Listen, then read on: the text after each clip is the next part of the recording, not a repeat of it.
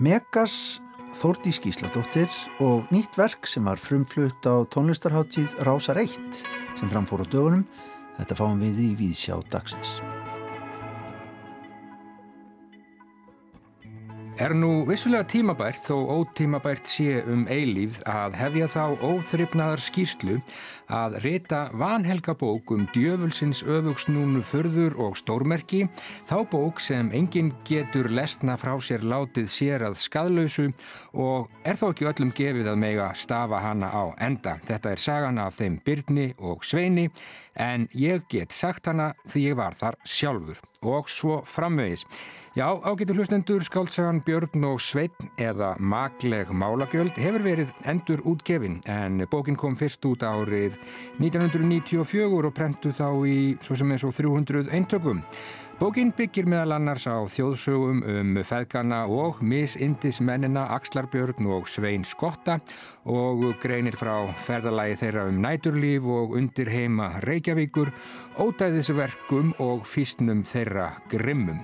Það er bókafórlægið Sæmundur sem gefur út en verkið hlaut vægast sagt blendnar viðtökur á sínum tíma fyrir 25 árum.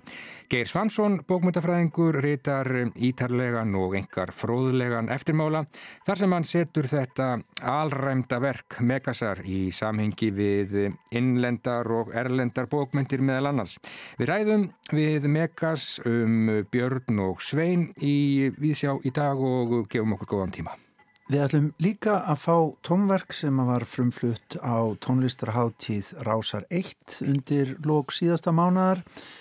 Eitt af fjórum verkum sem að þar voru frumflutt og fóru í beinustu leið, leið út í kosmosin í beinu útsendingu. Við heyrum verk eftir Pál Ragnar Pálsson í dag en hann vannaði með textahöfundinum Ástísi Sif Gunnarsdóttur. Nákvæmlega og við höldum að sjálfsögðu áfram að rína í nýjar bækur hér í Víðsjá. Björn Þór Viljámsson hann ætlar í dag að fjalla um ljóðabók sem að heitir Mislæg gatnamót. Hún er eftir Þórdísi Gísladóttur og þetta er hennar fymta ljóðabók og eigum við ekki bara að byrja þar? Við skulum bara heyra hvað Björn hefur um þá bók að segja. Nákvæmlega. Ljóðskáldið Þórdís Gísladóttir hefur getið sér gott orð fyrir að skrifa fyndin og skemmtileg ljóð sem jafnvel höfða til fólks sem almennt forðast ljóðabækur. Óttast kannski að formið sér torskilið, tilgerðalegt og upphafið. Þessi ótt er auðvitað stundum á raugum reistur og því skiljanlegur og því má segja að ljóðin hennar Þordísar virki á þerapjútískan hátt fyrir þennan lesendahóp. Svarið þörf fyrir skáldskap í hennu knappa formi ljóðsins sem hægt sé að njóta, kannski með kaldan bjór í annari, á meðan kvöldmaturinn hittnar í opninum eða þegar beðið er eftir strætó og engir skemmtilegir í nánasta umhverfið eigi í samræðum sem hægt er að hlera. Nýjasta bók Þórtísar, Mislæg gatnamót, er einmitt svoleiðis bók, þótt sum ljóðana þyrti svo eftirvill að lesa aftur í meira næði. En þar á ég sérstaklega við þau þeirra sem fjalla um erfiðar tilfinningar og tilvistaleg spursmál. En nú er ég komin aðeins fram úr mér, byrjum á byrjunni. Eitt helsta viðfangsefni Þórdísar er hverstagsleikin í öllum sínum notalegu og naburlegu byrtingamyndum. Titillin, mislæg gatnamót, gefur þetta til kynna og er kostulegri tákmynd hverstagsleikans reyndar vand fundin. Ef við vildum kafa dýbra, mætti náttúrulega segja að mislæg gatnamót gæti táknað fyrringu borgarsamfélagsins að þurfa að beigja í eina átt til að komast í þá gagstæðu. En líklega væri við þá að seilast lengra en bókin byður um. Þótt ljóð eins og allir þessir dagar, sem er þriðja ljóðið í bókinni, vísi til þess hvernig fólk missir hvort af öðru þegar samskipti fara mestu fram í byrtu tölvuskjásins. Mislægu gatnamótin kom í vekk fyrir að bílar mætist þegar þeir keira í gagstæð átt hvorfi annan og fjarlægðin sem ljóðið gerir að viðfangsefni sínu rýmar ágætlega við þetta enkenni gatnaskipulags nútímans. Skjábyrtan er varðeldur, þess sem nálgast aðra á samfélagsmiðlum, samskipti eru skilvirk en nándina skortir. Samfélagsmiðlar og aðrir miðlar sem móta nokkus konar fyrirmynda sjálf skjóta yðurlega upp kollinum í bókinni þá gerðnan á þann hátt að svo djúpa gjá sem aðskilur glansmyndina og raunveruleikan er dregin upp á yfirborðið. Í ljóðinu Grannkonan er sagt frá konu sem á sér langa sögu um ítla ígrundaðar ákvarðanir og hefur aldrei látið undan þeim hópþrýstingi að hún skulle stopna til fjölskyldu. Hún velti fyrir sér kröfunum sem eru gerðar til maðra þeirra blíðu skrimsla sem börn eru til að sanna hamingju sína, sjóða sultum, baka kökur úr vand með förnu ráefni eða undirbúa rauðrófu humus.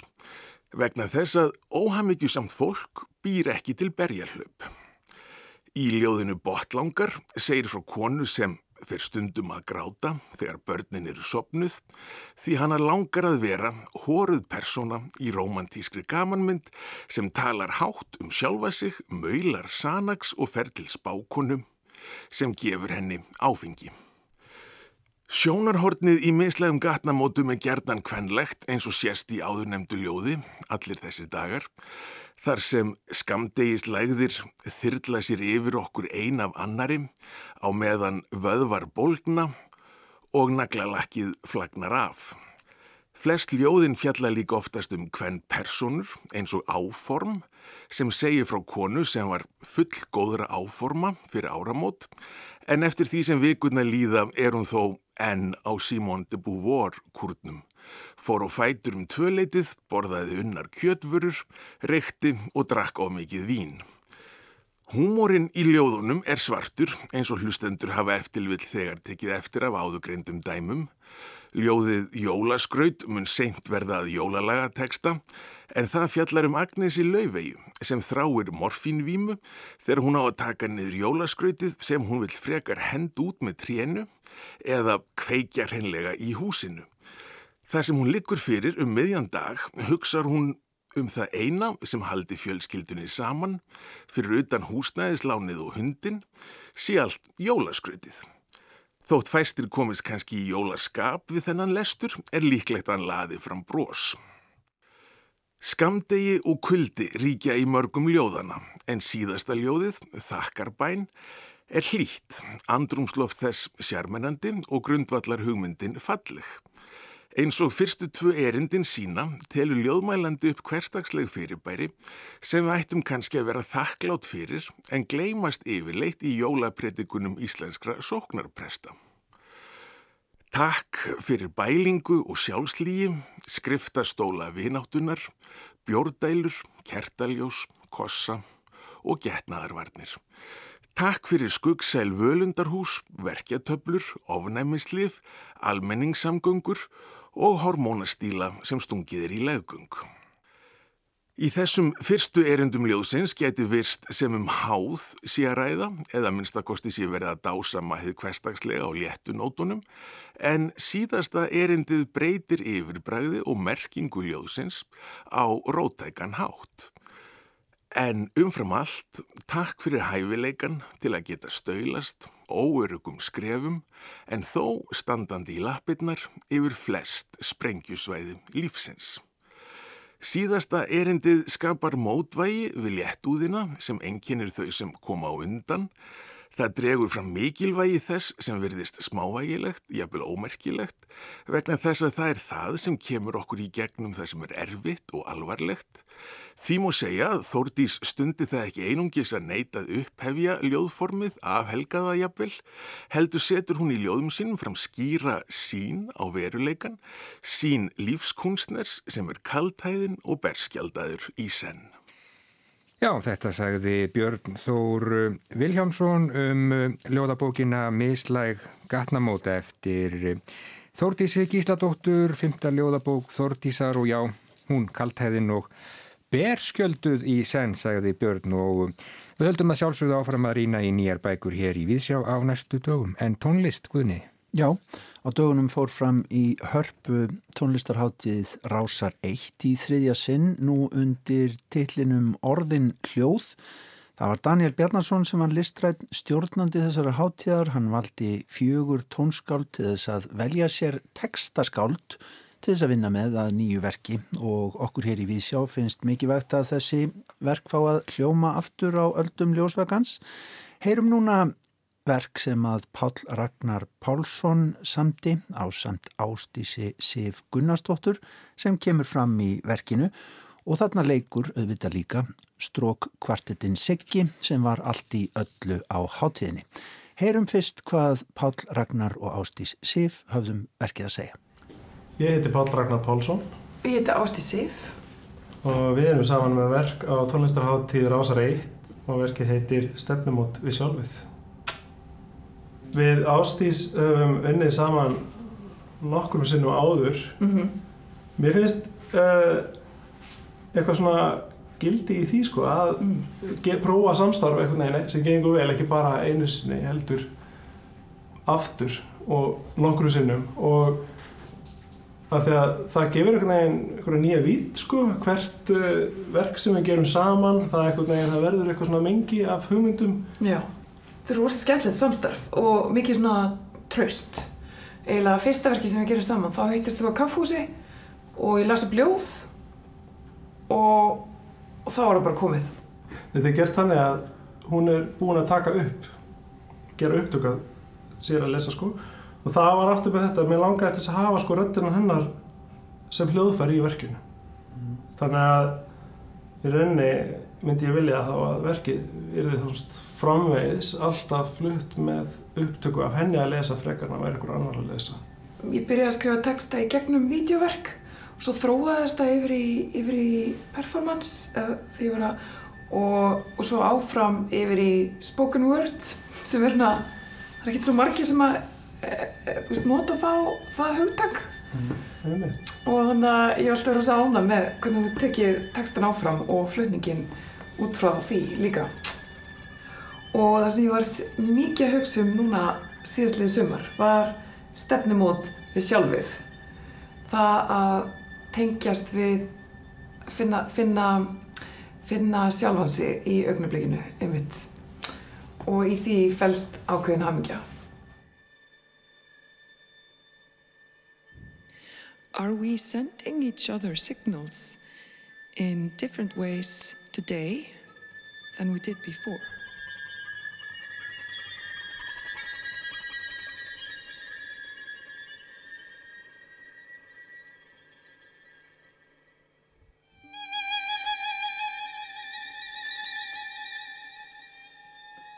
Is it possible we can find signals around us from other worlds, other dimensions?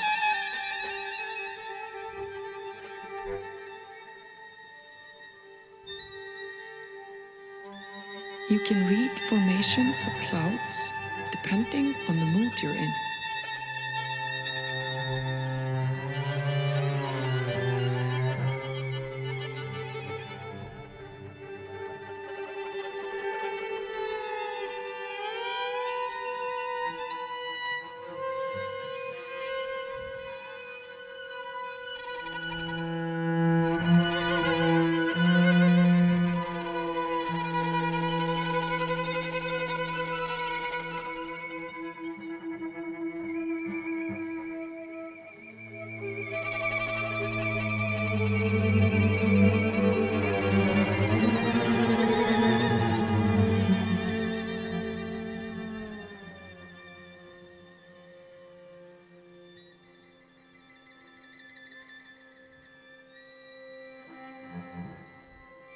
Yesterday, I had a moment of a protection signal from the skies.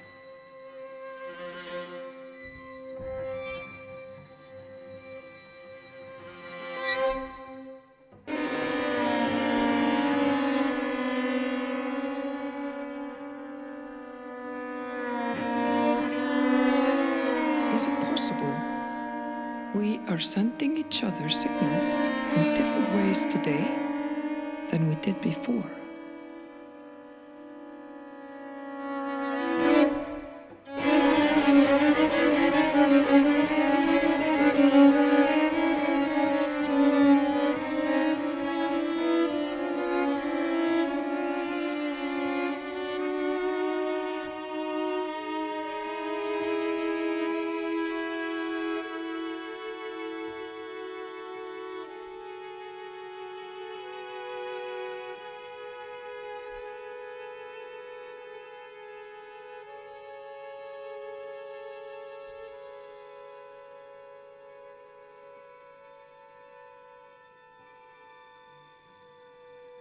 Is it possible we can find signals around us from other worlds, other dimensions?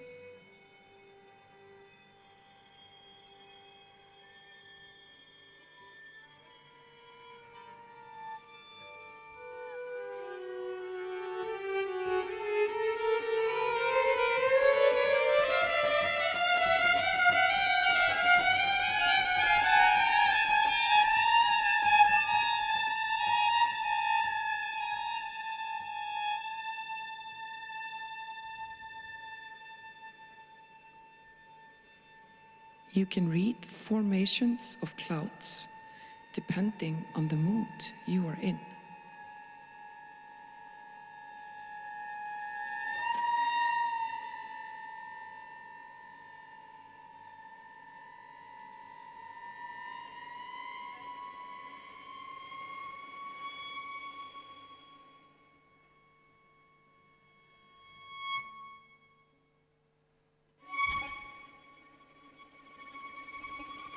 Yesterday, I received a moment of protection, a signal.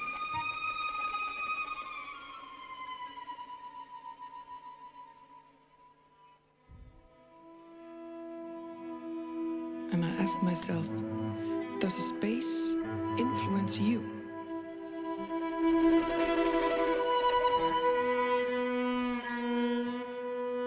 And I ask myself, does a space influence you?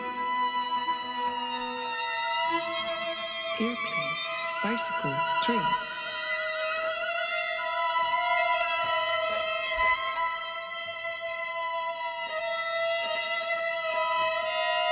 Perspective and time. Hyper awareness.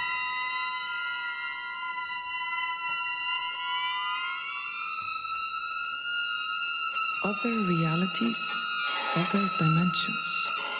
Same me, but we get a glimpse of the other self. Coexisting. A different reality coexisting.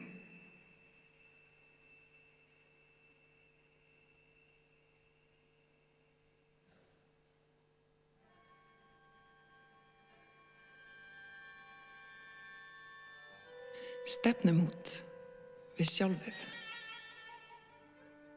Þetta er stefnum út við sjálfið.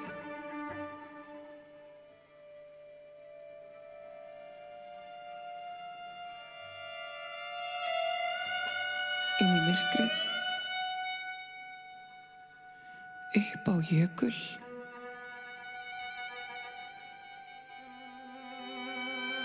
margi litir.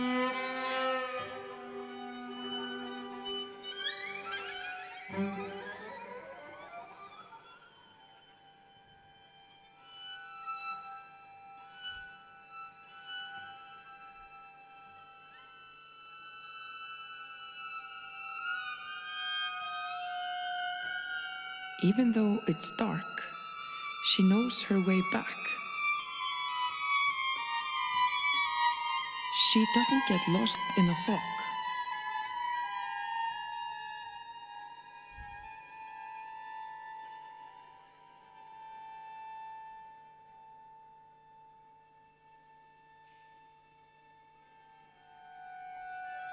Hugur þinn leitar að ástæðum, leitar inn í myrkrið,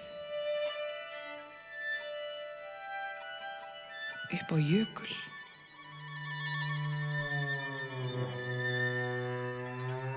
Í mismunandi litum, formum.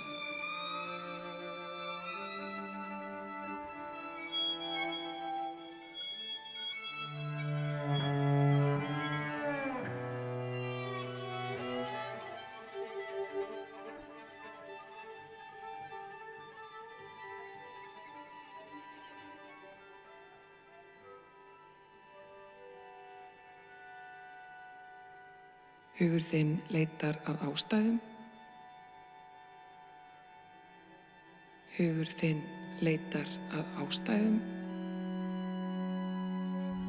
leitar inn í myrkrið. Upp á jökul. Í mismunandi litum.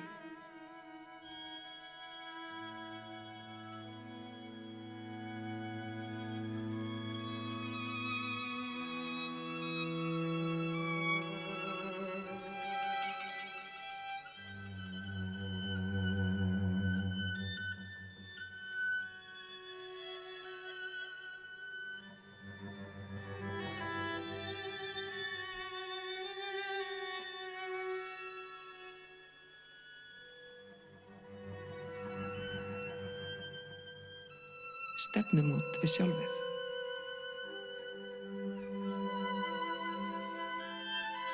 Even though it's dark, she knows her way back. She doesn't get lost in a fog.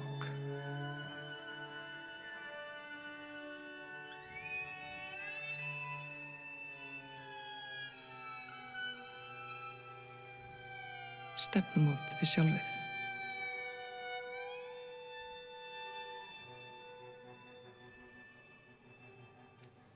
Svona hljómaði tónverkið stefnumót við sjálfið eftir Pál Ragnar Pálsson og Ástísi Sif Gunnarsdóttur.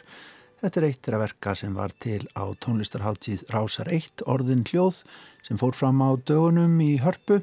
Við erum að leika þessi verk hér á þriðu dögum í þættinum.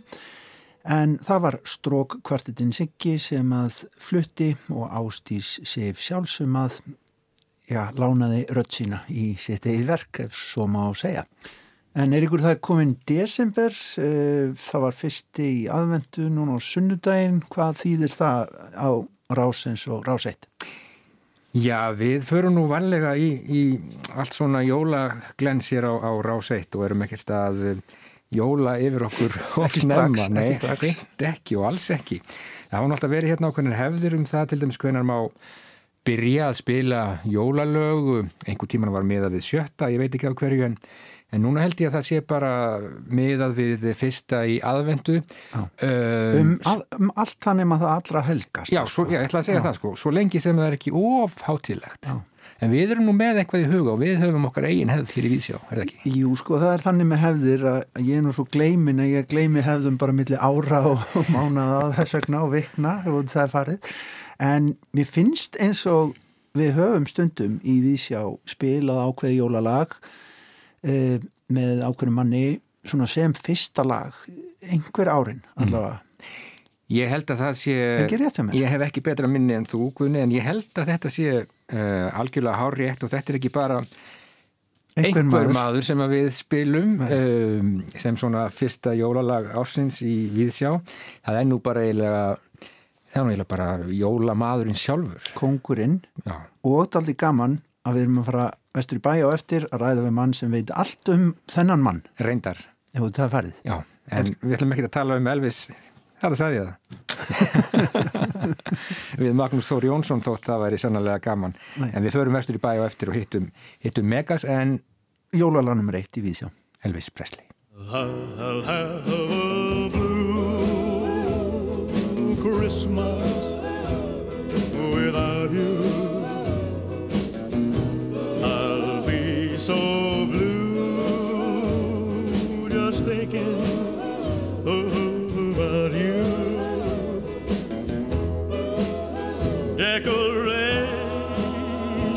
of red on a green Christmas tree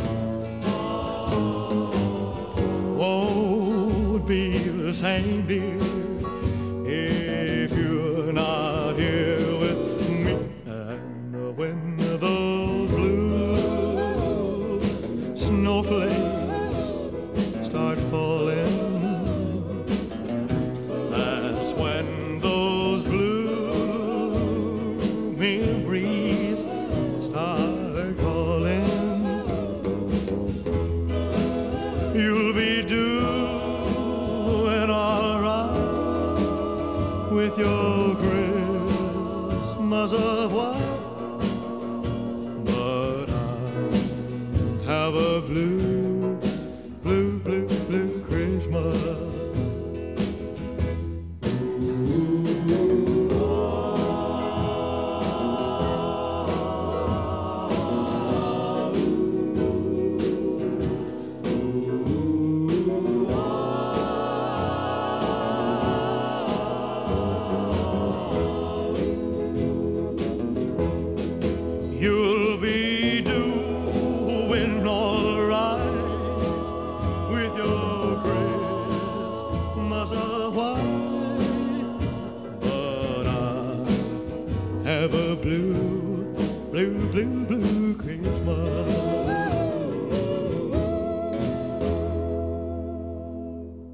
Já, jólavertiðin hefst á blues hér í Vísjá, Elvis Presley með Blue Christmas. En aftur hugum við að bókum.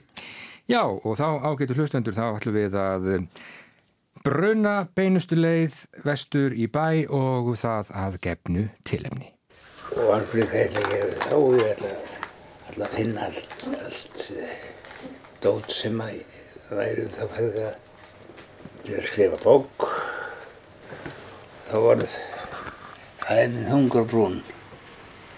og sagði, gemst engin byrninni á ösl.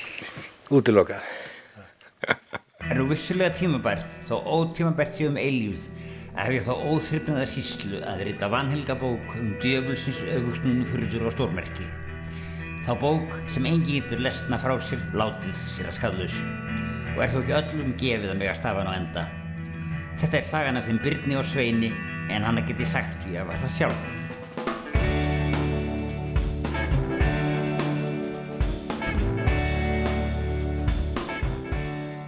Skáltsagan Björn og Sveinn eða Magleg Málagjöld eftir Magnús Þór Jónsson Megas hefur verið endur útgefin en bókin kom fyrst út árið 1994. Bókin byggir meðal annars á þjóðsögum um feðgana og misindismennina Axlar Björn og Svein Skotta og greinir frá ferðalagi þeirra um næturlíf og undirheima Reykjavíkur segir frá ódæðisverkum þeirra og físnum þeirra grimmum. Það er bókaforlæðið Sæmundur sem að gefur út en verkið hlaut vægast sagt blendnar viðtökur á sínum tíma fyrir 25 árum. Geir Svansson bókmyndafræðingur, hann rítar ítarlegan og engar fróðulegan eftirmála þar sem hann setur þetta alræmda verk Megasar í samhengi við innlendar og erlendar bókmyndir modernisma, postmodernisma og ómodernisma og kemst að þeirri niðurstöðu að þetta verk sé tímalaust og já, eigi sannarlega skilið meiri aðtegli skáltsagan um Björn og Svein sé allt í senn mögnuð, einstök og rótæk. Við skulum taka hús á Megasi.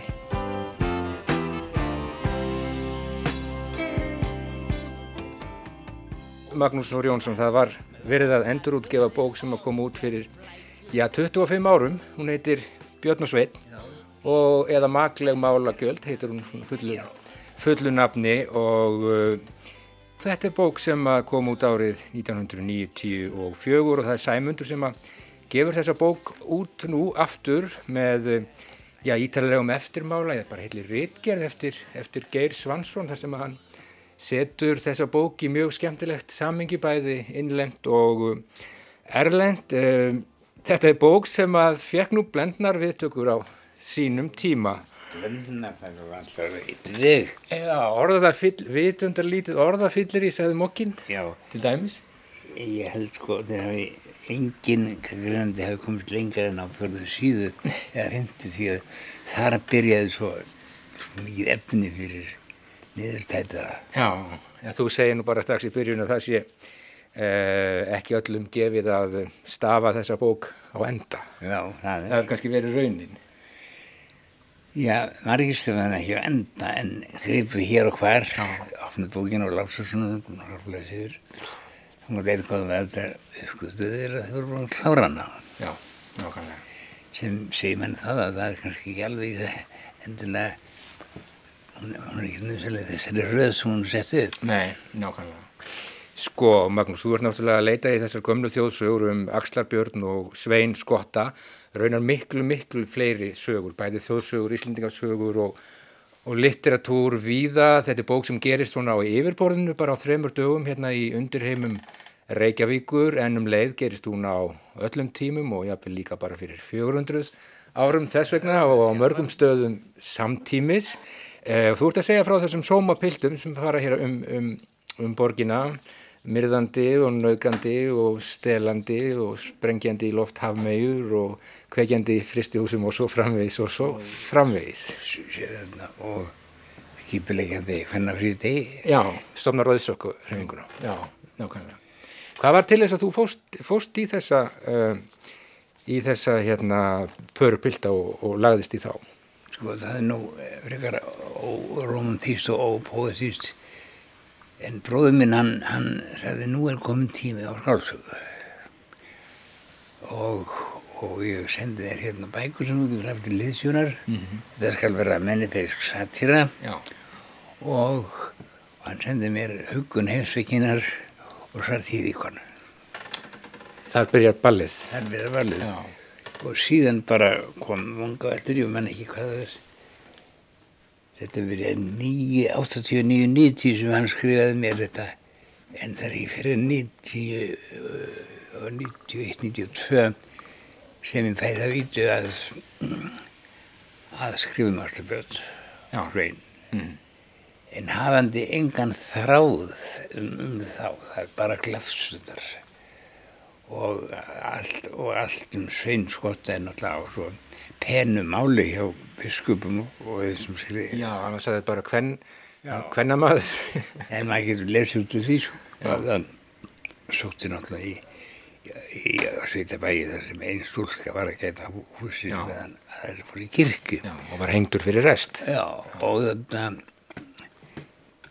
og því var bara okkur það að nota þessa þetta þessi náttúrafl þá, þá kom náttúrafl fyrir hugan sem hétt þetta Juan og ég segði mér það er nú bara sko, eh, það svo mikið gert í heiminum alltaf að gera nýtt og nýtt og nýtt og nýtt. Það er kannski ekki full nýtt það sem er þegar búið að gera.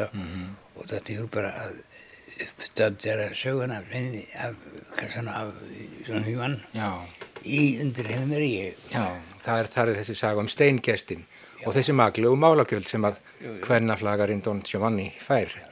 Og þeir rétt, eins og Don Giovanni forðum þá fá þeir, fá þeir kumpánar, feðgar maglegu málagjöld í þessari bók. já, það er ég stengjastur bóðaðum mm. það gerast nú þeir enda marga vegu Já, en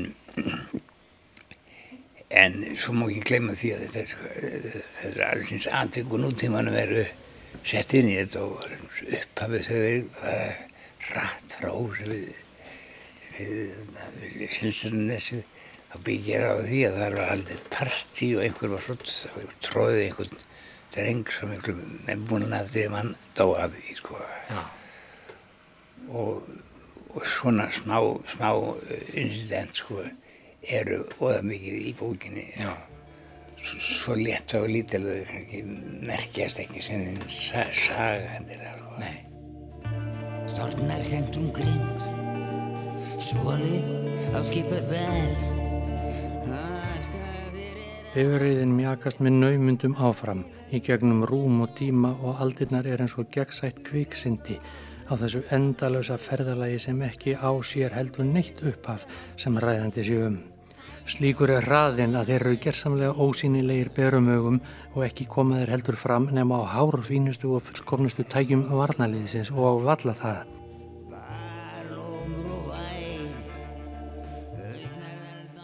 Þú segist að hafa sótt í þessa mennipisku satíru, æfa fornu. Sko Geir Svansson, hann er nú að setja þarna í svona skemmtilegt sammingi við uh, sómamenn eins og Marquítus Sade og uh, Lautramont og uh, William Burroughs og fleiri, þannig að hann svona ættfærir þig. Hvað, hérna, hvað finnst þér um, þessa, um þennan skildleika? Er hann til staðar? Já, við ætlum ég að segja sko, hún byrjar og eru tvö upp á þessu bó annar er upp á það Juan þannig að það byrjar því að hann er nýbúin að drepa koma þetta voru og er áflúta en það, það er ekkert um bókina svo kemur, svo kemur annar kapitúli og þá er eiginlega gerð grein fyrir fyrir þessari bók og og þaðan hefur hann sín, sín fræði en skeið sko. Já, nákvæmlega, nákvæmlega.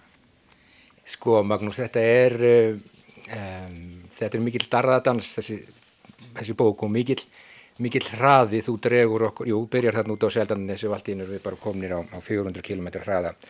Og það endist alveg í 400, 400 síður og þú Náttúrulega það er öll þessi ofgnótt í, í textanum og alls konar málsnið og þú ferði í, í allar áttir og lýsir þessu algjörlega bara reynd út framferði þessara, þessara feðga, Sveins og, og, hérna, og Bjarnar. Eh, þetta, þetta skrifa um svona algjöra ílsku og, hérna, og elda, elda hana uppi og, og fylgja henni. Er það Ertu um leið að skrifa um, um einhvers konar mennsku? Já. Ómennsku sem samt er mennsk. En, en nú höfum við sko ílsku náttúrulega sem tekur þessu öllu fram við. Já. Í kringum okkur, sko. Ma mann sem sveltir miljóna þjóð. Já. Bara eins og ekkert sé.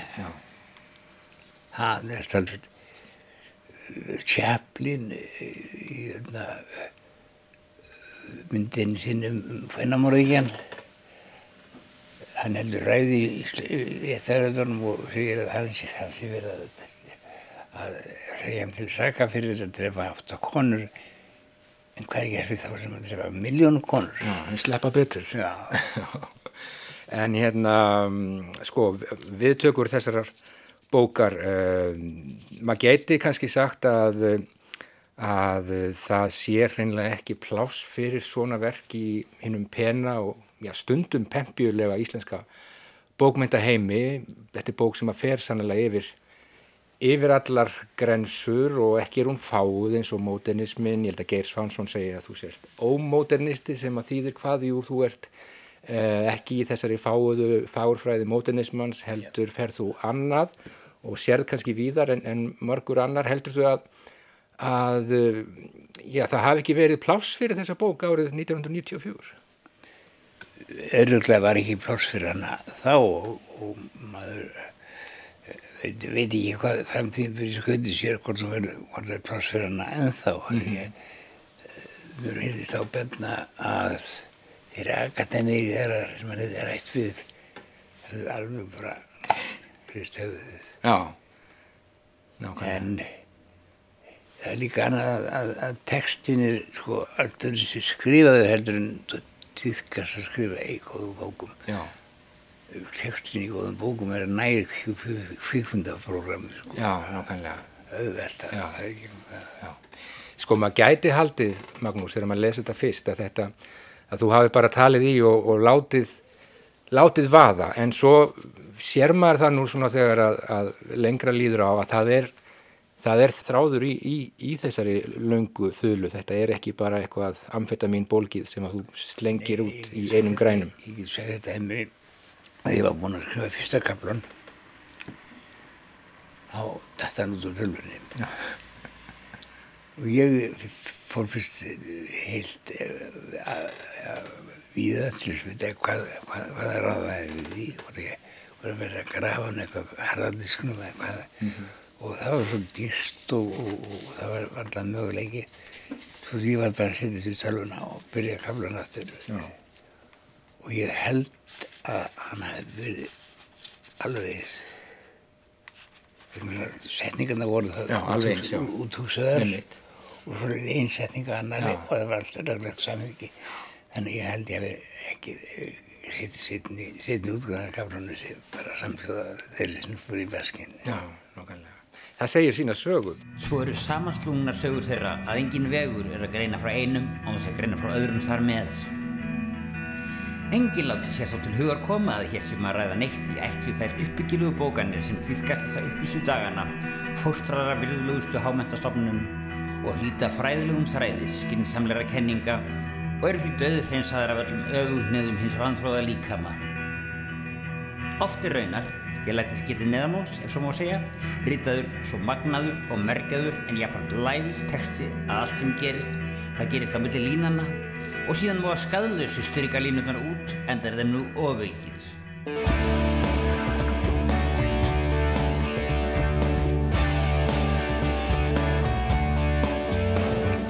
Get ekki orðið snortun af því að gæjast inn í portin og gleðið minn býr á öðrum stað. En hérna lagður upp með það þegar þú byrjar að skrifa? Já, að brjóta nú eins margar reglur og þú gætir, fara yfir eins mörg mörg og þú mögulega gætir. Nei, það var ekki neitt en Nei. bara. Hún, ég skrifaði hana svona í, fyrst skrifaði ég búta og svo tengdi ég það saman svona til þess að hafa eitthvað til að stýðast við. Mhm. Og svo skrifaði þessa búta út, alveg fylgdu, fylgdu út í henni. En, en karakterarnir fengu fast snið strax. Síði frakkin hans, hans, hans Bjarnar og svo sist í leiðurjakkin hans Sveins. Já. Og svo viljum setja melgi í Sveini en Björn er oftast nær fáarður. Já, nákvæmlega. En þú blandar Magnús saman í þessari bók, uh, þú teflir saman svo mörgu ólíku, bæði háleitu og, og, og lágkúrulegu og um, þegar þú vísar í bókmyndir þá er það í, í allar, allar áttir og þetta er náttúrulega, þetta er ekki bara bók um uh, þjóðsögu eða þjóðsögur, kannski er þetta bók um, uh, já, þjóðsöguna sem er bara, já, Ísland og, og Íslands líðveldi, eða hvað? Já, það er náttúrulega rent í gegnum svona eh, móter embættisfersluna hér á landi og, og uh, þar kemur náttúrulega fram viss ílska Já, er það ekki? og það er látið liggja að því að, að eh, spurningin hafi komið breytagullinu Mm -hmm. en ekkert, ekkert fullit um það og ekkert heilaði minn áherslu á það. Það er talað um að, að sumur sveitungarnir hafi hlunfarið þá veikarársællir og buksirhallir. Já. En það er staðið að menn vaknaði upp í morgar moldarkofum og rafnuði í, í stórum húsu við eirhýðina. Já, nákvæmlega. Það er aldrei gott. það er kannski ekki allir sem átta sig á því, Magnús, hvað um, hversu mikill bara hreinlega lestur liggur að baki svona verki, þú náttúrulega ert sósaður upp úr, upp úr öllu því sem hér hefur verið skrifað og, og mörgu öðru. Jú, ég hafði, ég hafði bó, bókabunka við hliðina Já. sko, og það var alltaf svo ögguvísa, það var hjarta að vera Já, einmitt. og svona Már og Guðbergur. já, svona eitthvað Reykjavík Já, einmitt. Og ég ætlaði að hafa þetta Reykjavík og sögu þó hún séu því kannski náttúrulega dreifir sem feitir. Já, maður veit ekki alltaf hvar maður er statur, það er bara gott. Já, já, það er, Það er bara mjög gott. En er hérna, að því að við vorum að tala um þessar eh, viðtökur og, um, og ég veit ekki hvort að þessi bók var eh, ótíma bær árið 1994 og ég veit ekki hvernig, hvernig staðan er e, í dag árið 2019 en, en þú ert alveg óhrættur við að hleypa þeim kumpánum út á, út á veginna aftur og láta þá vakna þarna í, í morgunsárið út, út á Seldjardanes í, í síð sumars. Það sem þessi 300 endug sem voru prentið upp af brefin eru búinn. Já. Það var kannski rétt að það gefa hún aftur. En uh, hún var náttúrulega ótíðum bara á allan hátt, Já. 94. Ég minn að, bækur og jólamarkana hefði 200 síður ekki verið þá. Svo, svo kom setna þau bækur en þessi kom þarna þykk Já. innan um 200 síður bækur. Sko. Já, og bara það er, er, er, er mikið ja, brotareglu en, en allavega ekki í aðgeði á lesenda. Nei, nákvæmlega. Bráðum kemur betri tíð með blóm í potti Þá mun sett ég sveinn upp skotti Sjálfan sig á stapl með glotti Þau þurfa varla meira í byli, segir Björn, hvað sem hann á við og stendur hæglegur en þó nokkuð sínilegur strókur úr báðum hans nösum. En húðina dregur hann ekki á eftir sér að þessu sinni en það yrði lítið úr því svona sjónrænt í þessari yfirstærðar dós. Við erum langt komnir Magnús en mér langar svona að mér finnst nú bara sko já, einn af svona einn megin galdurinn í þessari skáldsögu um Björn og Svein er það hvað þú gerir þetta fallega með sko að hafa um, alla tíma í einum tíma og það er einhvern veginn er, er það býður upp á svo dásanlegt ferðalag. Já, já, það er þetta er við þetta lækina það er sem víðast. Og, og svo er viðafarið náttúrulega, ég minna einn sem gerir svo í tógara sko, sem er fleggaði inn í þólanar og svo föttunum fá, það er náttúrulega bara raunverulegin sko, sagar sem ég þekki og og ég er eitthvað að koma þessum nútímur raunveruleika haganlega á milli. eldri raunveruleika og fletta því saman. Já, já.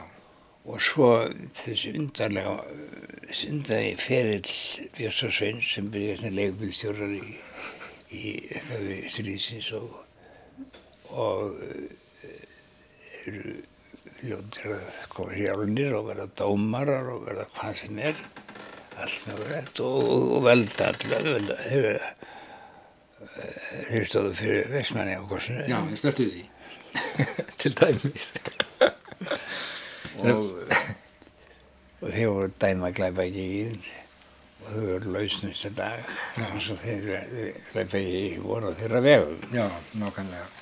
Heldur þið Magnús, svo við förum nú bara í, í ring, heldur þið að að við munum taka betur á móti Byrni og Sveini nú árið 2019 en við gerum árið 1994 heldur þið jafnvel að já, þeir rati í, í jólapakka landsmanna í ár?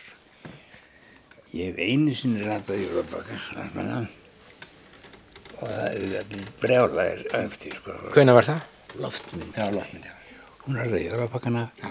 og mér brjálaðist í á nýja árunni við vilja hafa sett þig að jólapakka.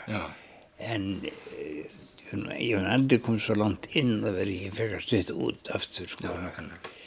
en varðandi Björn og Svein það voru þeir voru nokkur sem að lásu þessa bók hér til óblandin ránæðu já, já. og ekkert þálega svo svona einu sinni og síðan söngan hana eða sko svona restmís fyrir konunar og Ekkert segir við mig að maður eigi að lesa þetta upp átt já helst á göngu bara. Já, ég það er allavega til síðan því að það bætist einhverju við þennan litla hóp. Skulum svo sannlega vona það.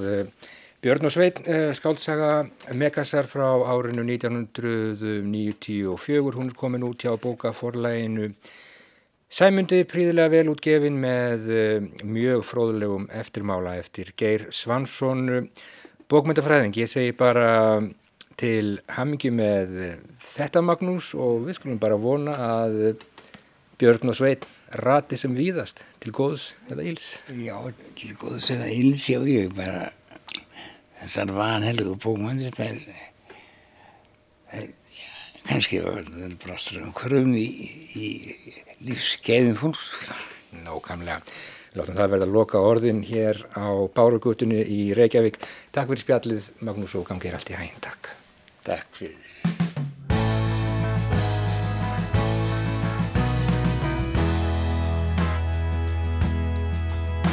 Því þér eru lítið af miklu, margt af auku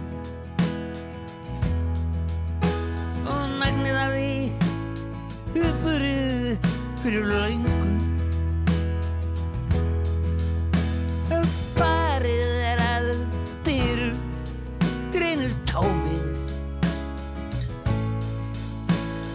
Þetta má upp en aldrei skrema krómið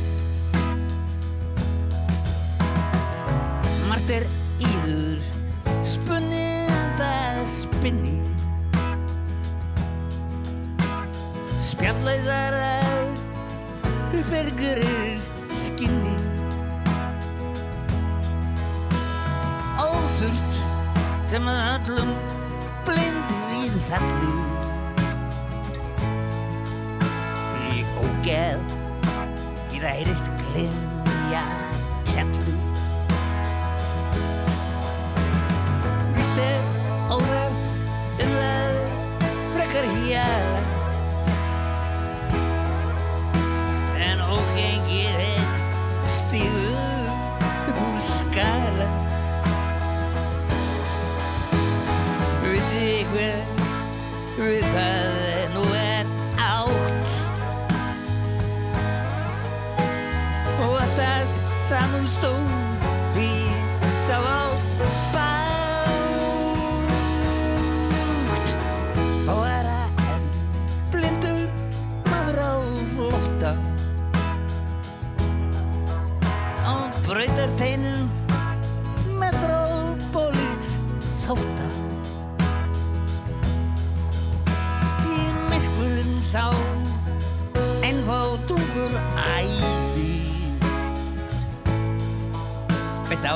á Intercity á skeiði og honum blæði Já, Megas-lægið ábending af plötu sem heitir Frágangur og kom út árið 2007. Björn og Svein, uh, skáltsaga Megasar komin út, uh, eina skáltsaga Megasar og hann hefur aldrei komist í jólapakkana, jú, einu sinni, það var árið 1987 þegar hljónplatan Loftmynd kom út. Við skulum sjá hvað verður um uh, þá kumpána Björn og Svein núna í jólabókaflóðinu en Megas orðaði þetta nýtt aldrei skemmtilega hérna áðan. Ég mun aldrei komast svo langt inn að það verði ekki frekar stutt aftur út. Ég held að hann hafi orðað þetta einhvern veginn svona. Við heyrðum í þessu einslægi Megas lesa brot úr skálsunni um Björn og Svein við undirleik tónlistarmanna af plötu sem að kom út árið 2001 og nefnist Haugbrot. Þar sem að Megas les eigin prósa og við heyrðum líka ekkert Þorleifsson leikara lesa brot úr skáldsögu Megasar. Þetta var hluti af gjörningi sem að framfór vestur á Snæfellsnesi síðasta sumar en þeir sem áttu þá leið um nesið um slóðir þeirra Axlarpjörs og Svein Skotta er gott að hlustað á, í viðtækjum sínum á Eggert og held ég fleiri góða lesara lesa úr þessari skáldsögu sem að nú hefur verið endur útgefin þessi allræmda skáltsaga endur útgefin til góðs eða íls. Emitt. En svona ágættu hlustendur ætlum við að ljúka við sjá í dag. Verðum hér aftur á morgun. Verðið sæl. Verðið sæl.